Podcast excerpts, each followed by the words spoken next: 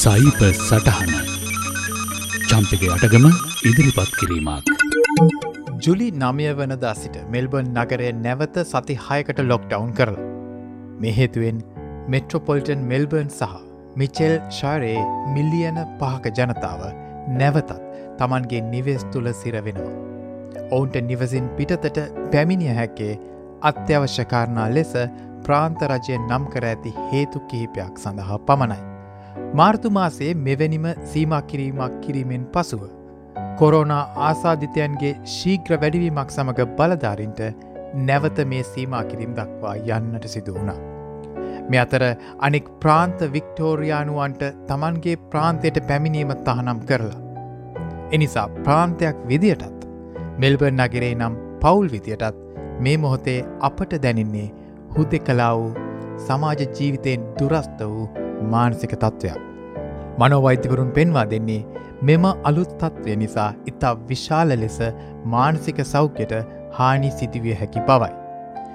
Sydney විශ්වවිද්‍යාලයේ මොලය සහ මනස කේන්ද්‍රයේ මහචාරය ඉයන් හිකි මහතාට අනුව මෙම දෙවනවර සීමා කිරීම් මානසිකව අතිශය හානිකරවෙනු ඇත.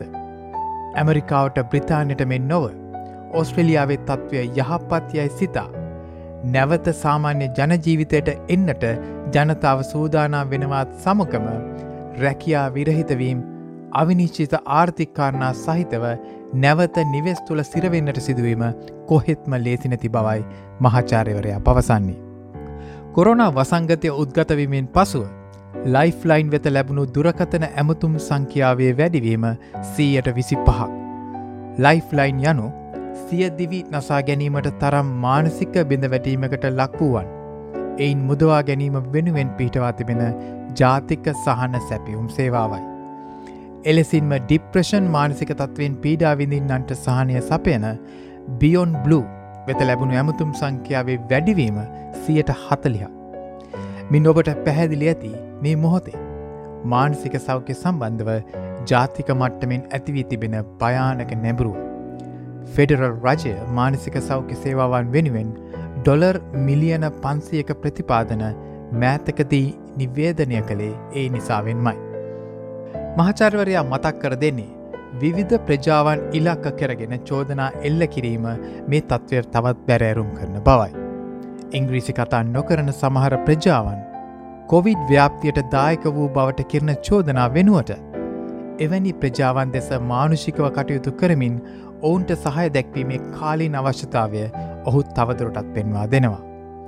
මෙම ප්‍රජාවන් එක්ක එකතු වී කටයුතු කිරීම විනා ඔවුන් ඉලක්ක කරනා බව හැඟවෙන සීමා කිරීම් අතිශය හානි කරයි. මේ මහාචාරවරයාගේ වචන. We can cope with this collectively. We can't if we start pointing the finger. Black dog ආයතනයේ පර්යේෂිකාවක් වෙන ආචාරය ඇලිසා වර්න පෙන්වා දෙන්නේ දෙවනවර සීමා කිරීම් වෙත යාමේදී වඩා අපහසු වන්නේ ඇන්ටිසිපෙටරි ඇංසයිටි තත්ත්වය නිසයි. මින්න දහස් වෙන්නේ ඇන්ටිසිපේට එනම් වෙන්න තියෙන දේ අවිනිච්චතාවය අසන්න බව හා සබදි මානසික ආතතික තත්ත්වය. ඇය පෙන්වා දෙන්නේ මෙවැනි අර්බුදකාරී මොහොතක ඔවුන්ට අවශ්‍යම වෙන සාමාජීය ක්‍රියාකාරිත්වය එනම් social ඉන්ටරක්ෂන්ස් සඳහා වැට බැඳීමක් මෙම සීමා කිරීම නිසා සිදුවෙන නිසා තත්ත්වය වඩාත් බරපතල වෙන වගයි.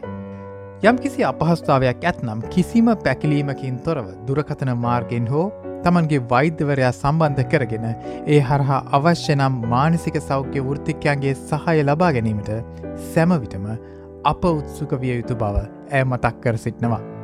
අපි කතා කරන්න අකමැති තත්ත්වයක් තමයි මානසික සෞඛ්‍ය සම්බන්ධ ගැටලු. බොහෝවිට ආකල්පමය පැත්තෙන් අපේ තියෙන්නේ ඒ සම්බන්ධව බොහොම අන්දුරු චිත්‍රයක්. නමුත් යහපත් මානසික තත්වෙන් ඉන්න කෙනෙක් පවා මේ පවතින තත්ත්වයන් එක්ක තාවකාලිකව අභියෝගයට ලක්විය හැකි. එවැනි විටක සහය ලබා ගැනීම ලැජ්ජාවට කාරණයක් නෝන වග අප මතක තබාගත යුතුයි. තමන්ගේ දිවි තොරකර ගැනීම වැනි තැනකට යොමුව හැකි කෙනෙක් වෙතොත් ඔවුන්ව වහාම ලයිෆ් ලයින් වෙත යොමු කරවන්න. එහි දුරකථන අංකය දහතුනයි එකොළහයි දාහතර. අන්තර්ජාලය හරහනම් lifeline.org.au හෝ බියොන් බ්ලූ cyber.org.au හරහා මෙම සහන සේවාවන් ලබාගත හැකි. සයිබ සටහන වෙනුවෙන් අප මතක් කර දෙන්නේ ඔබ අන්තර්ජාලය භාවිතා කිරීමේදීද. ඔබගේ මානසික තත්ත්වයට උචිතදේ තෝරා ගන්න. හිත සැනසෙන චිත්ත ප්‍රීතිය දැනුම සත්තුට ලබා දෙනදේ ඕනෑ තරම් අන්තර්ජාලය තියෙනවා. එලෙසම හිත තව තවත් අඳුරට යොමු කරවන පීඩාවට පත්කරන වාද විවාද වෛරී ප්‍රකාශාදිය විශේෂයෙන්ම සමාජ ජාලා හරහා නිත්තර දක්නට ලැබෙනවා. සයිභවකාශයේදී අපගේ මානසික සහනය හෝ අසහනය තීරණය වන්නේ අපි මෙලෙසින් උදේහව හා ගණුදනු කරන අපේම තෝරා ගැනීම් එක්කයි. මේ දේ ගැන සබුද්ධික නොවනහොත් වෙන්නේ අහක යන ඩිජිටල් නයි ඔලු අස්සෙදාගෙන කනවෝ කනවෝ කියමින් මානසිකව ලත වෙන්නයි. අදත් ඔබට සයිබ සටහනගෙනා මම චම්ප එක යටගම්.